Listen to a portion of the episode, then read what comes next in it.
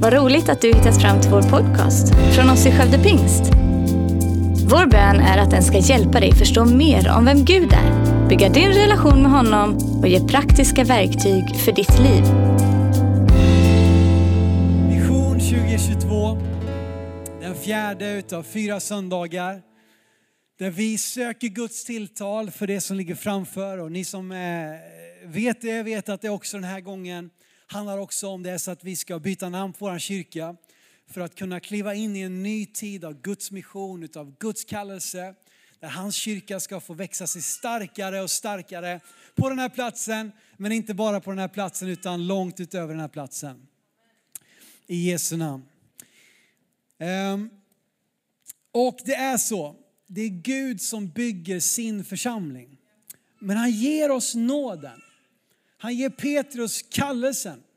För det första ger han, han heter ju Simon, Jonas son. Han ger dem ett nytt namn utifrån hans bekännelse. Du är Messias, den levande Gudens son, säger Simon på frågan om vem Jesus är. Han bekänner ut det med sin mun.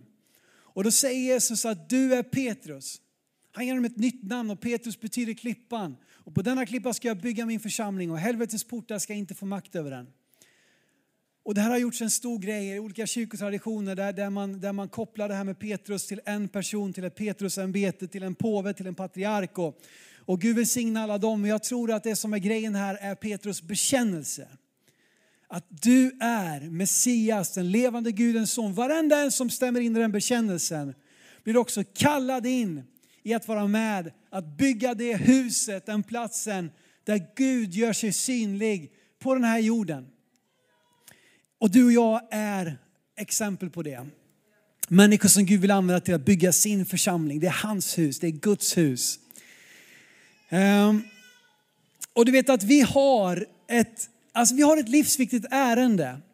Vi har, alltså det vi håller på med här, det är inte bara liksom att ge folk en stunds bra musik och liksom lite uppmuntrande hejarop inför veckan som kommer och någonting att barnen kan få hitta på lite kul saker. Utan det vi håller på med här, det handlar faktiskt om liv och död. Det handlar om människors frälsning. Det handlar om evigheten. Vi tror på att det finns ett evigt liv och vi tror på att det finns en himmel och ett helvete. Och det vi gör här på jorden, det vi bestämmer att sätta vårt tro till, vårt hopp till, avgör vad som händer i evigheten. Och vi är här därför att vi har fått möta Guds kärlek, Jesus kärlek som säger att genom tron på mig ska ni få evigt liv. Så det vi håller på med här är någonting viktigt. Vi har fått uppdraget att förmedla evangeliet, the gospel, de goda nyheterna om Jesus Kristus.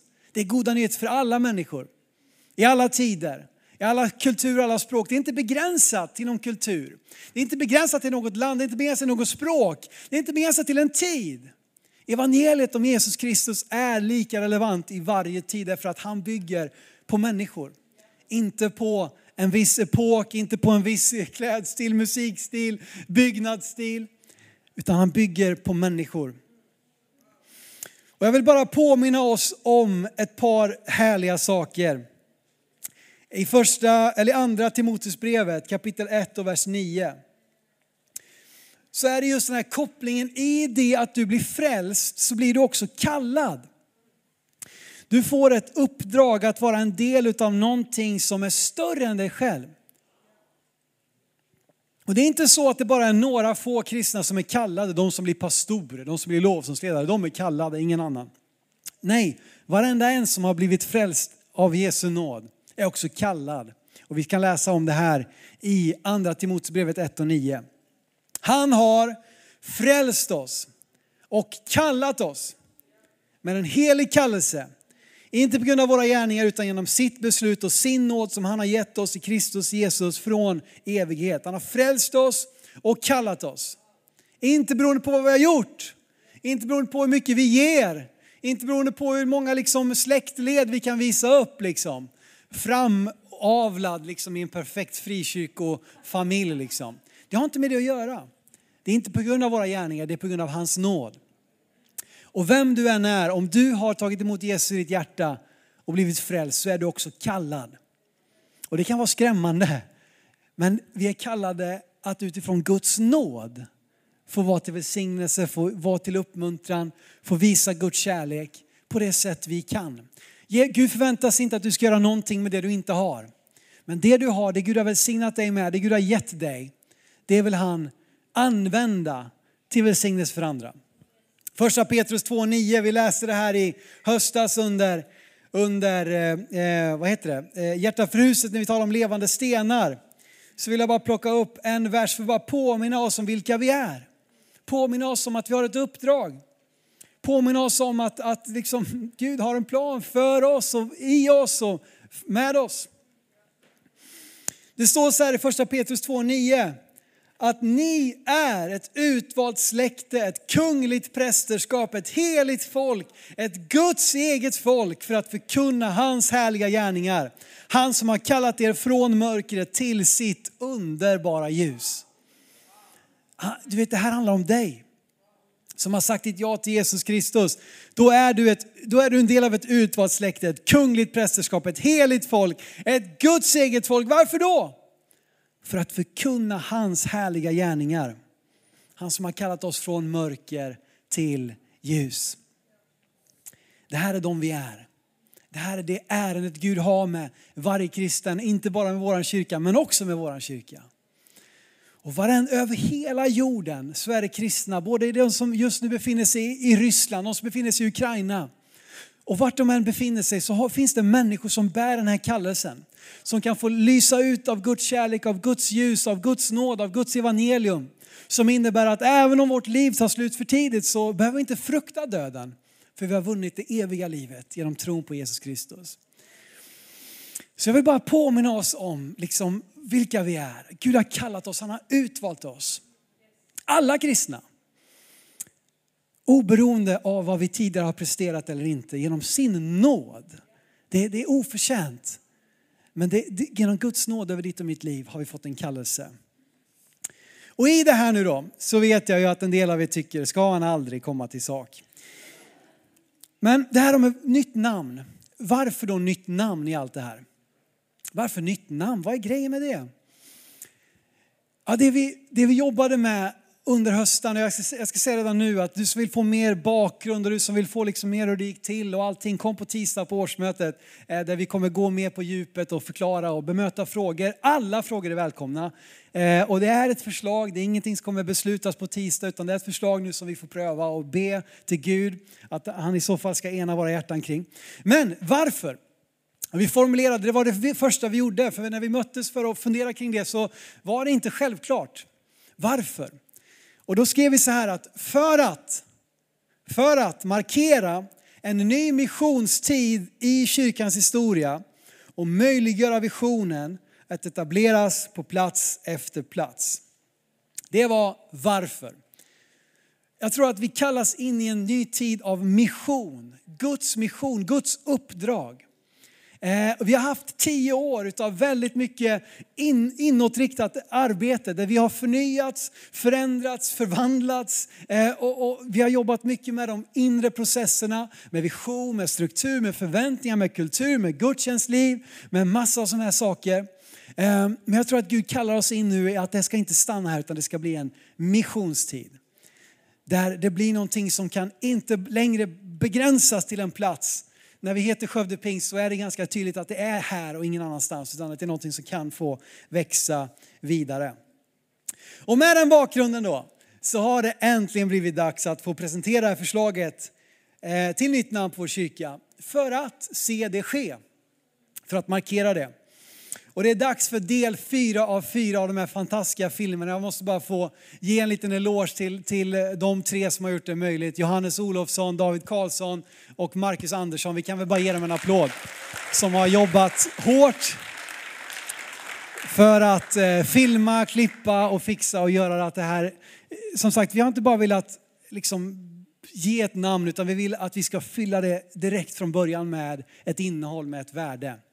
Um, och eh, den här del fyra också förklarar varför det har varit små klipp ifrån en predikan som jag höll den 24 oktober 2021. Du som har uppmärksam vet att det var hjärtafrusesöndagen. Vi har två väldigt speciella söndagar som kyrka. Det är den här söndagen, visionssöndagen, och det är hjärtafrusesöndagen där vi får ge vårt gensvar på Guds tilltal genom en stor offergång och där vi ger och utöver det vanliga och så vidare. Och i den predikan i höstas så, så predikade jag eh, och berättade om processen att byta, eh, byta namn på kyrkan. Men jag hade inte en enda tanke just då på vad det här namnet skulle kunna bli. Jag hade inte en enda tanke på att det som var min huvudtext i den predikan skulle ha liksom direkt anknytning till det som vi faktiskt landat i. Och nu ska jag inte hålla er på halsen längre utan nu ska vi få titta på den här filmen eh, som, som är ett lite längre utdrag ifrån den här predikan. Varsågoda.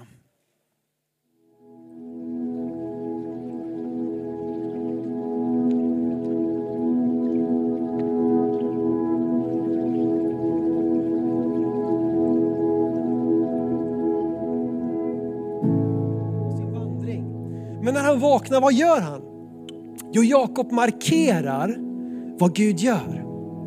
Jakob ser till att det här ska inte glömmas bort. Det här ska inte falla i glömska. Det här ska bli en plats. Det jag får uppleva på den här platsen, det ska fler människor få uppleva på den här platsen. Så han tar den här stenen, den måste ha varit hyfsat stor i alla fall, som han har som huvudkudde. Men det är på något sätt en tillräckligt stor sten för att resa upp som en stol.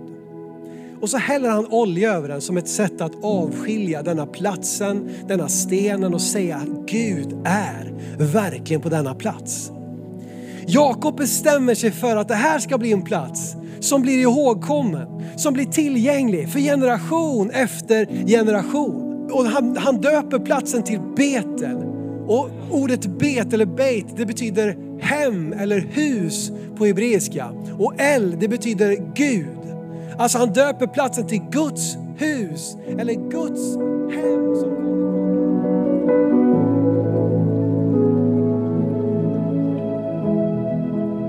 Han bestämmer sig för att det här ska markeras. Det här ska bli en plats där fler kan få uppleva det jag har fått vara med om.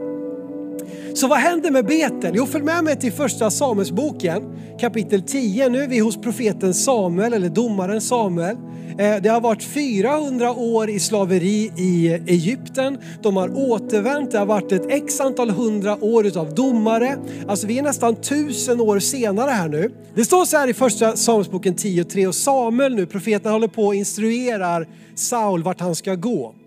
Då säger Samuel så här, när du har gått vidare därifrån och kommit till, till Tabors terebint ska du där möta tre män på väg upp till Gud i Betel. Du ska möta tre män som är på väg till Gud i Betel. Den platsen där Jakob nästan tusen år eller 800-900 år tidigare har legat liksom en, söm, eller en sömnlös, han sov ju gott, men en natt där ute i ödemarken och bestämt sig för att resa upp den här stenen, bestämt sig för att hälla olja över den, bestämt sig för att det här ska vara en plats som blir ihågkommen. Så är det människor många, många hundra år senare som fortsätter komma till Gud på den här platsen. Eh, och det är fantastiskt. Och när Gud möter oss, det Gud har välsignat oss med, mig med, nu vänder jag mig till dig som redan är troende, som har varit det i ett halvår eller tio år eller hela ditt liv. När Gud möter dig, vi måste, vi måste ta ett ansvar för att göra det tillgängligt för andra. Och det är inte ett historiskt dött monument. Vi ska inte ha fler kyrkor som blir museum. Alltså vi, vi desperat så behöver vi resursstarka kyrkor som inte är på tillbakagång utan i tillväxt. Men jag vill frimodigt säga att vi vill göra allt vi kan att vara en kyrka som kan få vara en resurs och välsigna och bygga någonting större än oss själva. För helt ärligt, det är, liksom, det, det, det är till viss del ett krisläge i vårt land. Det är vad det är. Och det är inte av högmod jag säger det. Det är utifrån nöd för människor och generationer som ska komma och människor som inte ens vet att de ska bli frälsta. Som inte ens har ställt frågan, finns Gud? Än. Det är för dem vi behöver fortsätta finnas. Det är för dem vi ger i hjärtat för huset.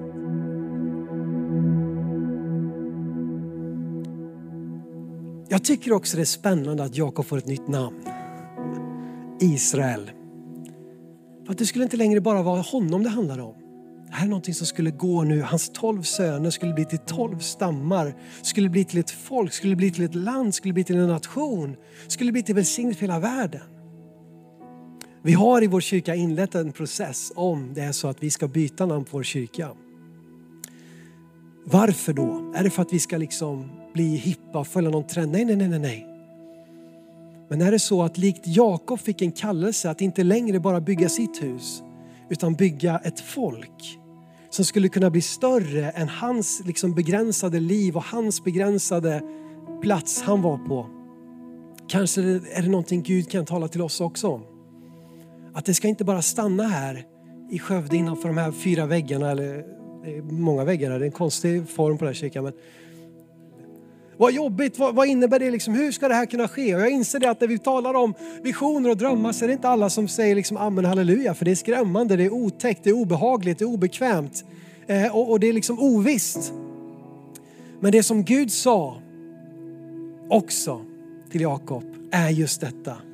Jag är med dig. Jag ska bevara dig. Vart du än går.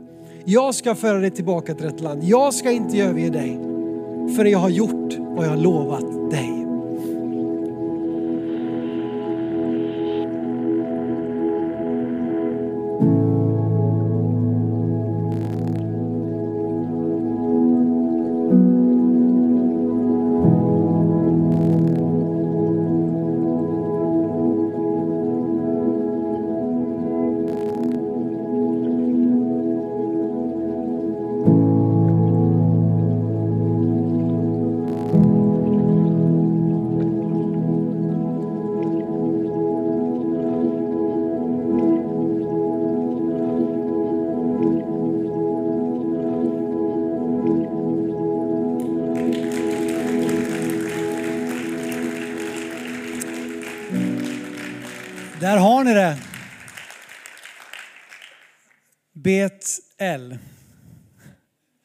Betel. Det är förslaget på nytt namn på kyrkan. Och eh, helt ärligt så hade jag som sagt ingen aning om att det här skulle vara någonting som vi skulle landa i när jag hade den här predikan.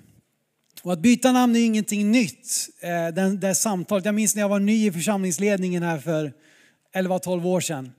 Så brukade ofta, kunde jag ofta höra Anita Lundqvist som är hemma hos Jesus nu, hon brukade prata om att vi borde byta namn på kyrkan. Vi borde heta någonting annat. Då. Säkert har den tanken funnits hos en del av er. Och för egen del så har jag länge tänkt att det kommer en dag när det är dags att byta eh, namn på kyrkan. Eh, men dels behövs det rätt timing och dels behövs det ju ett bra namn. Och jag är helt ärligt alltså, så många gånger vi har suttit och klurat och funderat och jag personligen, jag tycker det här är lite nördigt kanske, men det är sånt som jag håller på med. Eh, och liksom fundera. Jag har aldrig, helt ärligt, aldrig hittat namn. Jag vet att jag vill inte ha något engelskt namn. Jag vill inte ha något namn som alla andra eh, på ett sätt då.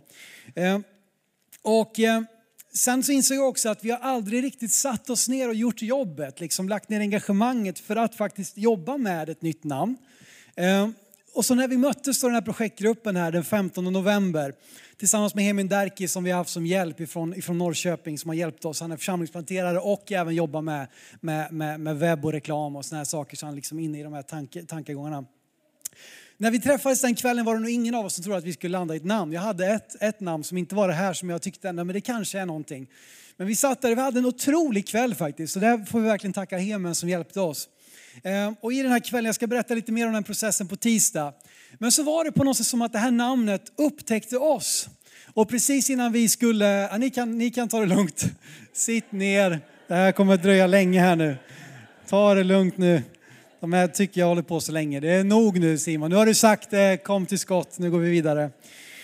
Nej då, ingen av oss hade nog tänkt liksom att vi skulle landa i det, men det var som att helt ärligt i sista minuten nästan när vi höll på att plocka ner så var det bara, men tänk om det är det här, Betel. Och det är på ett sätt inget nytt namn, vilket vissa reagerat på.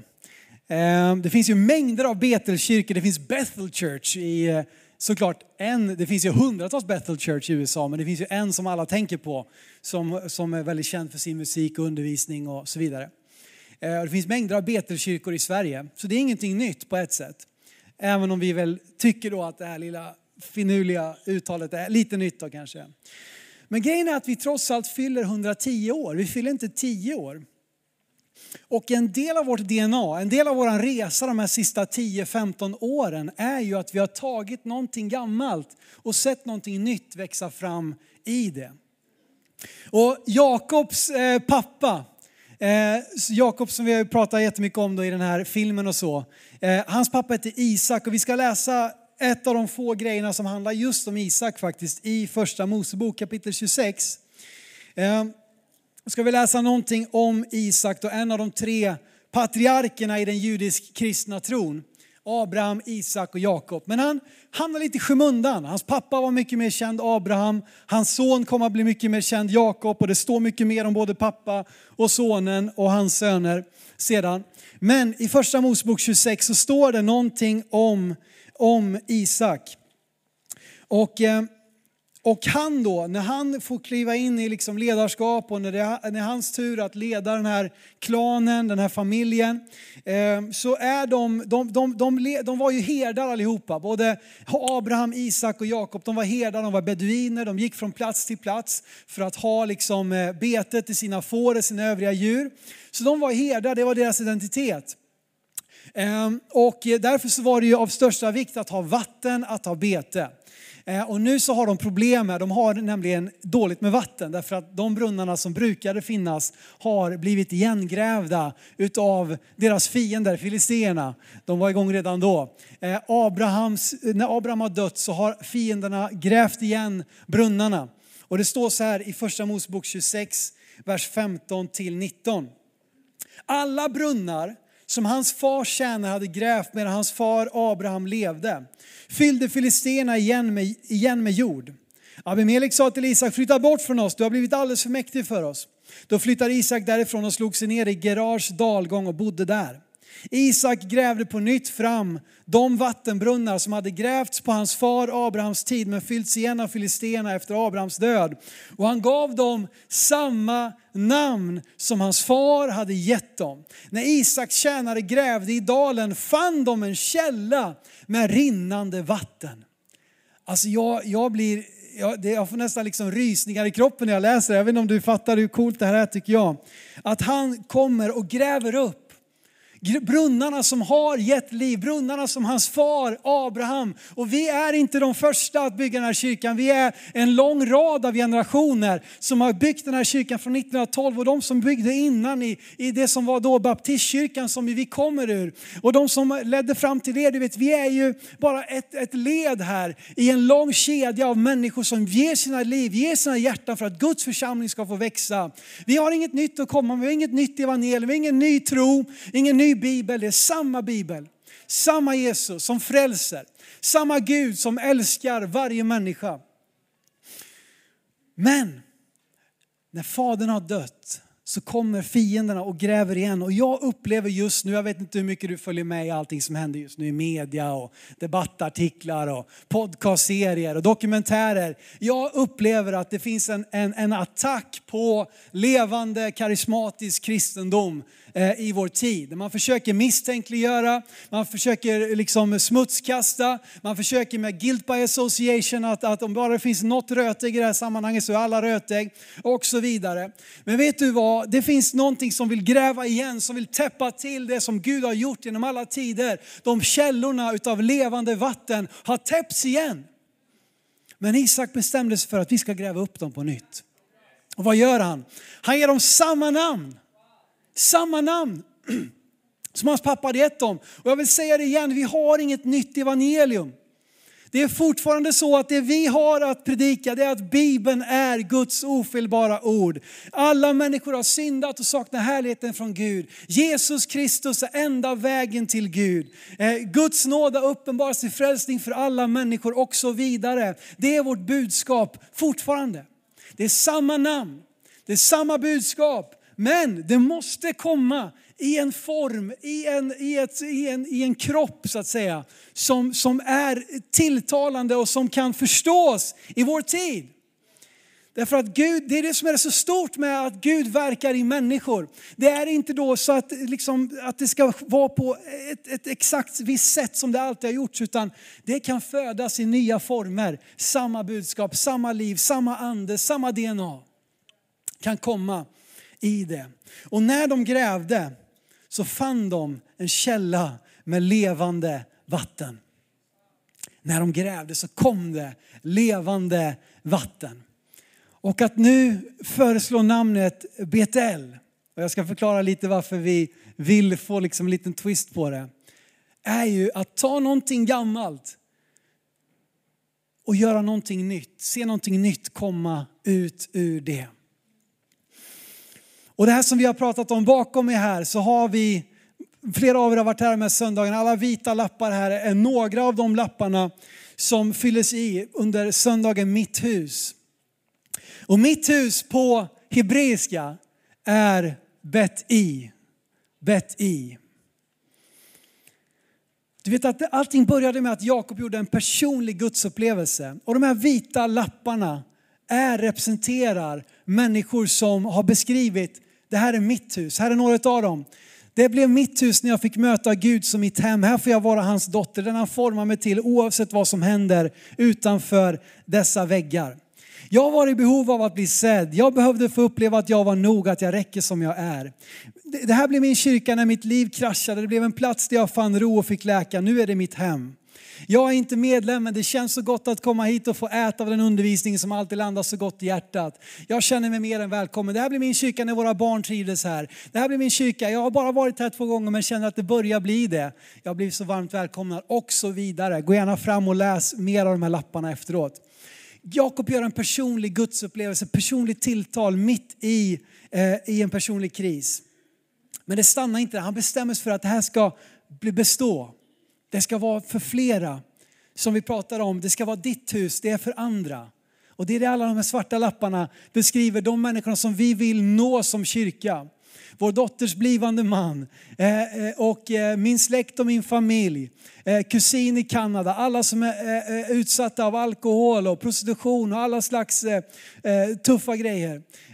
Och det står massa olika saker, människor som vi vill nå. Ditt hus betyder Betcha, eller Betcha på hebreiska. Om ni undrar vem, det är Roar, min gode vän som har lärt oss allt detta. Och det är någonting gemensamt, vårt hus. Beteino. Beteino. Det är vårt hus, det är någonting vi formar tillsammans. Det var människor som kom till den här platsen hundratals år. I hundratals år fick de komma dit och möta Gud. Det var någonting gemensamt. Eh, de gick dit. Eh, och eh, när Israel sen delades i ett nord och sydrike så var Betel en av två platser man kom till för att offra till Gud. Både där och uppe i Dan i norra Israel. Det blev en plats, ett hus som blev tillgängligt för flera. Om vår numrering stämmer så har vi i skrivande stund haft 3456 unika medlemmar under våra 110 år som kyrka. Det är vårt hus det här. Alla som har varit en del, som är en del. Men vi vill också se fler. Vi tillsammans utgör kroppen. Där Jesus Kristus är huvudet. Och vi kan liksom vara med och forma en hälsosam kultur, forma en plats där människor får möta Guds kärlek. Där vi har en sund undervisning, där vi har en tro på Gud som gör under. Där vi tror på Guds ord. Vi kan tillsammans få forma det. Och förra veckan så uttryckte vi, eh, fick ni alla vara med och skriva Eh, ord som vi förknippar med vår kyrka. Vi fick in 171 ord efter liten filtrering. Det var några ord som inte slank igenom.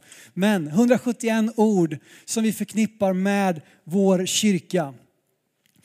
Eh, och alla de orden här nu, nu ser inte ni det, men här så ser ni ju det här namnet. Det här har vi bara knoppat ihop för att kunna ha någonting att visa. Det här namnet tillsammans med vår logga Betel. Och det som ni inte ser nu på ert avstånd det är att de här 171 orden, de finns här på tavlan genom hela. Och jag ska försöka läsa några av dem här. Det står eh, gudfruktighet, undervisning, trohet, hemgrupp, ungdomar, ansvar, hjärtan, framåtsträvande, hängivenhet, medryckande, uppmuntran, engagerad, givmildhet, ledarskap, social, samarbets, sam, samarbetsvillig förståelse, det är ett bra ord, glädjefyllt, överlåtenhet, worship, glädje, det kommer tillbaka. 171 ord. Eh, och här så ser ni ett exempel på hur det skulle, du bara stanna kvar lite, lite till här. Eh, eh, det vi sa också var att, att det fick gärna funka tillsammans med vår nuvarande logga. Det var inte ett måste, men om det funkar med den så hade det varit någonting gott. För att till slut, och det är, ditt, det är mitt hus, det är ditt hus, det är vårt hus, men det är ju faktiskt först och främst Guds hus, BTL. Det är det som är det, är det, som är det sammanlänkade av allting. Och den här loggan, vad vi har sagt med den, jag vet att vi fick lite, det är tydligen, jag vet inte om det är sergeant eller fänrik eller någon sån här eh, militär beteckning som någon tyckte, tänkte på när den, när, den, när den var ny 2014. Men det vi har försökt säga med den, här, med den här loggan, det är att den pekar uppåt mot Gud. Vi vill lyfta människor och det är ett hus utan väggar. Jag gillar den sista allra mest. Ett hus utan väggar.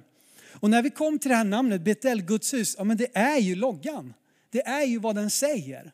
Fast med ett, ett, ett nytt ord. Nu kommer ehm, eh, Elin gå och hänga upp den där ute på, i foajén. Så vill ni gå dit och läsa och titta och, och fundera så gå dit och kika på de orden som vi tillsammans har satt på, eh, på den här kyrkan som vi förknippar med vår kyrka. Du vet, i allt detta, jag nämner där i predikan i Al-Hassa att det, det, det, det visst är ett krisläge. Och eh, den sista månaden har jag lyssnat på mängder av podcasts. Jag har läst eh, artiklar, jag har skrivit en, eh, jag har sett dokumentärer och så vidare. Ni har säkert sett en del av det här också. Som på olika sätt problematiserar, i värsta fall svartmålar liksom karismatisk kristendom. Och nu i veckan satt jag med ett tiotal ledande pingstpastorer i vår region. Jag är en av processgruppsledarna som det så fint heter i vår region. Och vi möts eh, några gånger per år. Och vi pratar om läget i pingst eh, i vårt närområde. Och det bara slog mig hur många kyrkor som kämpar och sliter. Det är schismer, det är pastorsbrist, man hittar ingen pastor och där man hittar till slut, det, det var inte så bra alla gånger. Det blir schismer mellan församlingsledning och pastorer. Det blir liksom moraliska snedsteg eh, och det är slitigt på många håll i vårt närområde. Inom pingst, vi har 440 församlingar och av ren åldersstruktur, om ingenting händer, så kommer hundra av dem försvinna de närmsta tio åren av ren åldersstruktur därför att de helt enkelt kommer inte överleva för att de är för gamla helt enkelt. Tittar man en lite längre horisont så kan det vara samma sak med 150 till 200 kyrkor om ingenting händer. Det finns medlemmar idag, pingstförsamlingar med 300 medlemmar som har mindre än 15 procent under 40 år. Och då förstår vi att det är bara en tidsfråga, Eh, eh, även om det kan ta lång tid, det kan ta 20 år, det kan 30 år. Men du vet, någonting behöver hända. Någonting behöver hända, någonting behöver vända. Och om vi ska lyssna på alla de här grejerna, vi ska lyssna på alla de här, om vi ska, om vi ska ha en förkunnelse som, som inte kritiseras i någon podcast eller någon dokumentär, då, då får vi, vi får ta bort allting. Eh, alltså vi, vi, vi får liksom skita och sjunga kumbaya och säga liksom alla duger som de är. Och knappt det kan vi ens säga. Eh, men du vet, det, det är inte så, så lätt. Och så två års pandemi och så kom det ett krig här liksom. Alltså det, det är tungt. va. Men vet du vad, i allt detta så är jag mer överlåten än någonsin. Och jag säger inte bara det för att det ska låta häftigt nu, utan jag menar det. När jag läser de här sakerna, när jag hör de här sakerna, jag känner mig bara mer och mer övertygad om att Guds församling är svaret. Det är inte problemet. Guds sanna församling, Kristi kropp, är svaret för att möta så många behov, för att kunna få lysa hopp i en svår tid. Som inte begränsas av vare sig pandemi, krig eller skitsnack eller någonting. Utan som står stadigt, som står starka mitt i allt detta. Och du vet att det är inte över. Allt det här mörka, vi kan inte blunda för det, men vi kan inte heller förblindas av det. Vi kan inte blunda för omvärlden, vi kan inte blunda för verkligheten, vi kan inte förblindas av den. Utan vi kan resa oss upp och be om Guds hjälp, om Guds nåd, att Gud Bygg din kyrka i och genom oss på den här platsen och inte bara här. Du vet det Gud har välsignat oss med, det vi tackar Gud för och det vi en del klagar på men många andra tackar Gud för. Det, det, det är någonting som, som vi inte kan behålla för oss själva. Utan som vi måste dela med oss av. Bredare än där vi är. Och be till Gud, låt oss se en ny missionstid i vår kyrka. En ny tid av Guds mission, av Guds uppdrag. Och det är vad jag ber och längtar efter att vi ska få se. Inte på grund av någon människa. Hade det varit på grund av någon människa så hade det varit kört för länge sedan. Men på grund av Guds hand och Guds nåd över ett folk som, som ställer sig under hans namn för att tillsammans ära och, och liksom proklamera honom. Jag vill bara läsa några saker från vår vision här. Och nu kan ni komma fram, ni som är så på, på hugget här. Vårt underbara lovsångsteam. Några saker som står i vår vision. En kyrka som är välsignad med enastående ledare som leder utvecklingen i sina områden. Där utloppet av kreativitet blir till inspiration och välsignelse i hela vårt land. Med livsförvandlande undervisning, lovsång och resurser. Jag tror att vi ska få vara en kornbod för Guds folk i Sverige. Vi ser liksom exempel på det. Elevate är ett uttryck för det, att bara få dela med oss, att få uppmuntra. Inte för att slå oss för bröstet, det, det, är liksom, det är helt ointressant och vi har inte heller tid med någon slags falsk ödmjukhet och säga nej, nej, vi har ingenting och vi kan inte lära någon någonting. Nej, vi behöver dela med oss frimodigt av det Gud har välsignat oss med. Elevate, podcast. Och jag tror att det är dags på nytt att plocka upp det här att vi också ska få vara med och skriva egna, egna lovsånger. Många uttrycker hur välsignade de blir av lovsången i vår kyrka. Men jag tror att det är dags också att vi gör egen musik, egna sånger från Guds hjärta som kan bli till välsignelse i Guds församling bredare än oss. Det står här en kyrka som agerar mer än den pratar och gör verklig skillnad i människors liv som inte begränsas av landsgränser utan når fram till de minst nådda och hjälper de mest utsatta ut över hela vår värld. Alltså vårt missionsarbete, vårt sociala arbete under Martins ledning, alltså det är så spännande. Det känns som vi tar ny mark varje vecka, varje månad och det som har börjat växa fram nu i Nepal, i Syrien, det som vi har varit en del av under lång tid i Nordafrika. Det är det sociala arbetet med mathjälpen, LP, eh, det som liksom den välsignelse gengåvan är som förmedlar och frigör så mycket resurser. Jag tror bara vi har sett början på vad Gud vill göra genom vårt missionsarbete, genom vårt sociala arbete. Jag tror att det ska vara liksom ett, ett, bara ett utflöde av Guds kärlek genom vår församling. Eh, där jag också tror att, att det här namnet, du vet, det funkar så bra också. När jag, när jag är i Södra Ryd och predikar och det är härligt ni som är med därifrån. Och jag säger Guds hus, vad säger tolken då? Han säger Betel. Därför att det är vad det är på arabiska och på hebreiska. Och det är ett bra namn. En kyrka som inte låter något hindra den från att förmedla världens bästa budskap i vår tid, som ständigt växer på alla plan och etableras på plats efter plats. Vi har inspirerats utifrån församlingsplantering under lång tid. Jag tror också att det finns många kyrkor som behöver få koppla på på ett större, starkare lok. Och jag säger inte att vi, det är ingenting vi kan ta oss, det är, ingen, det är ingen plats man kan ta sig, men om vi kan få vara med och lyfta andra sammanhang genom vår kyrka så är vi redo. Jag tror också vi ska vara med och plantera. Vi har gjort det redan men vi liksom, ibland har det inte blivit så bra, ibland har det inte vuxit, ibland har det stannat av. Vi ska fortsätta se det ske. En kyrka som generöst delar med sig, ödmjuk vill lära av andra. Generositet, ödmjukhet. I all den här visionen, det låter så högt, du låter så stöddig Simon. Ja, jag hoppas inte det. Men i allt det här som vi drömmer och ber om så vill jag att generositet och ödmjukhet ska vara det som människor känner i mötet med vår kyrka, i mötet med oss. Vi hade en församlingsledare här från Hudiksvall för någon vecka sedan som har följt vår kyrka och de har sett på delar av Elevate med sin församlingsledning. De står i en liknande resa, att de behöver också se en förnyelse i sin församling. Och vill nu komma och koppla samman och vara med oss här en tisdag kväll. Det finns fler sådana exempel. Nästa vecka ska jag upp för att möta, jag ska upp till Kramfors nästa söndag och träffa församlingsledningar från Ullånger och Sollefteå. Därför att de vill, de vill plugga in, de vill få höra, de vill få, de vill få fart i sina sammanhang. Och med Guds nåd så ska vi få dela med oss generöst och ödmjukt på alla sätt vi kan. Tack för att du lyssnat. Dela gärna podden med dina vänner och glöm inte att prenumerera så du inte missar nästa predikan. Om du har några frågor eller vill att vi ska be eller tacka för något tillsammans med dig så får du gärna höra av dig till Kyrkan skövdepingst.se. För oss är veckans höjdpunkt söndagens gudstjänst och det vore så kul att träffa dig där. Våra team finns då redo att ta emot dig och det finns även egna samlingar för barnen. Du hittar mer information om oss, vilka vi är och våra olika mötesplatser på skövdepingst.se. Gud välsigne dig och ha en fortsatt bra vecka.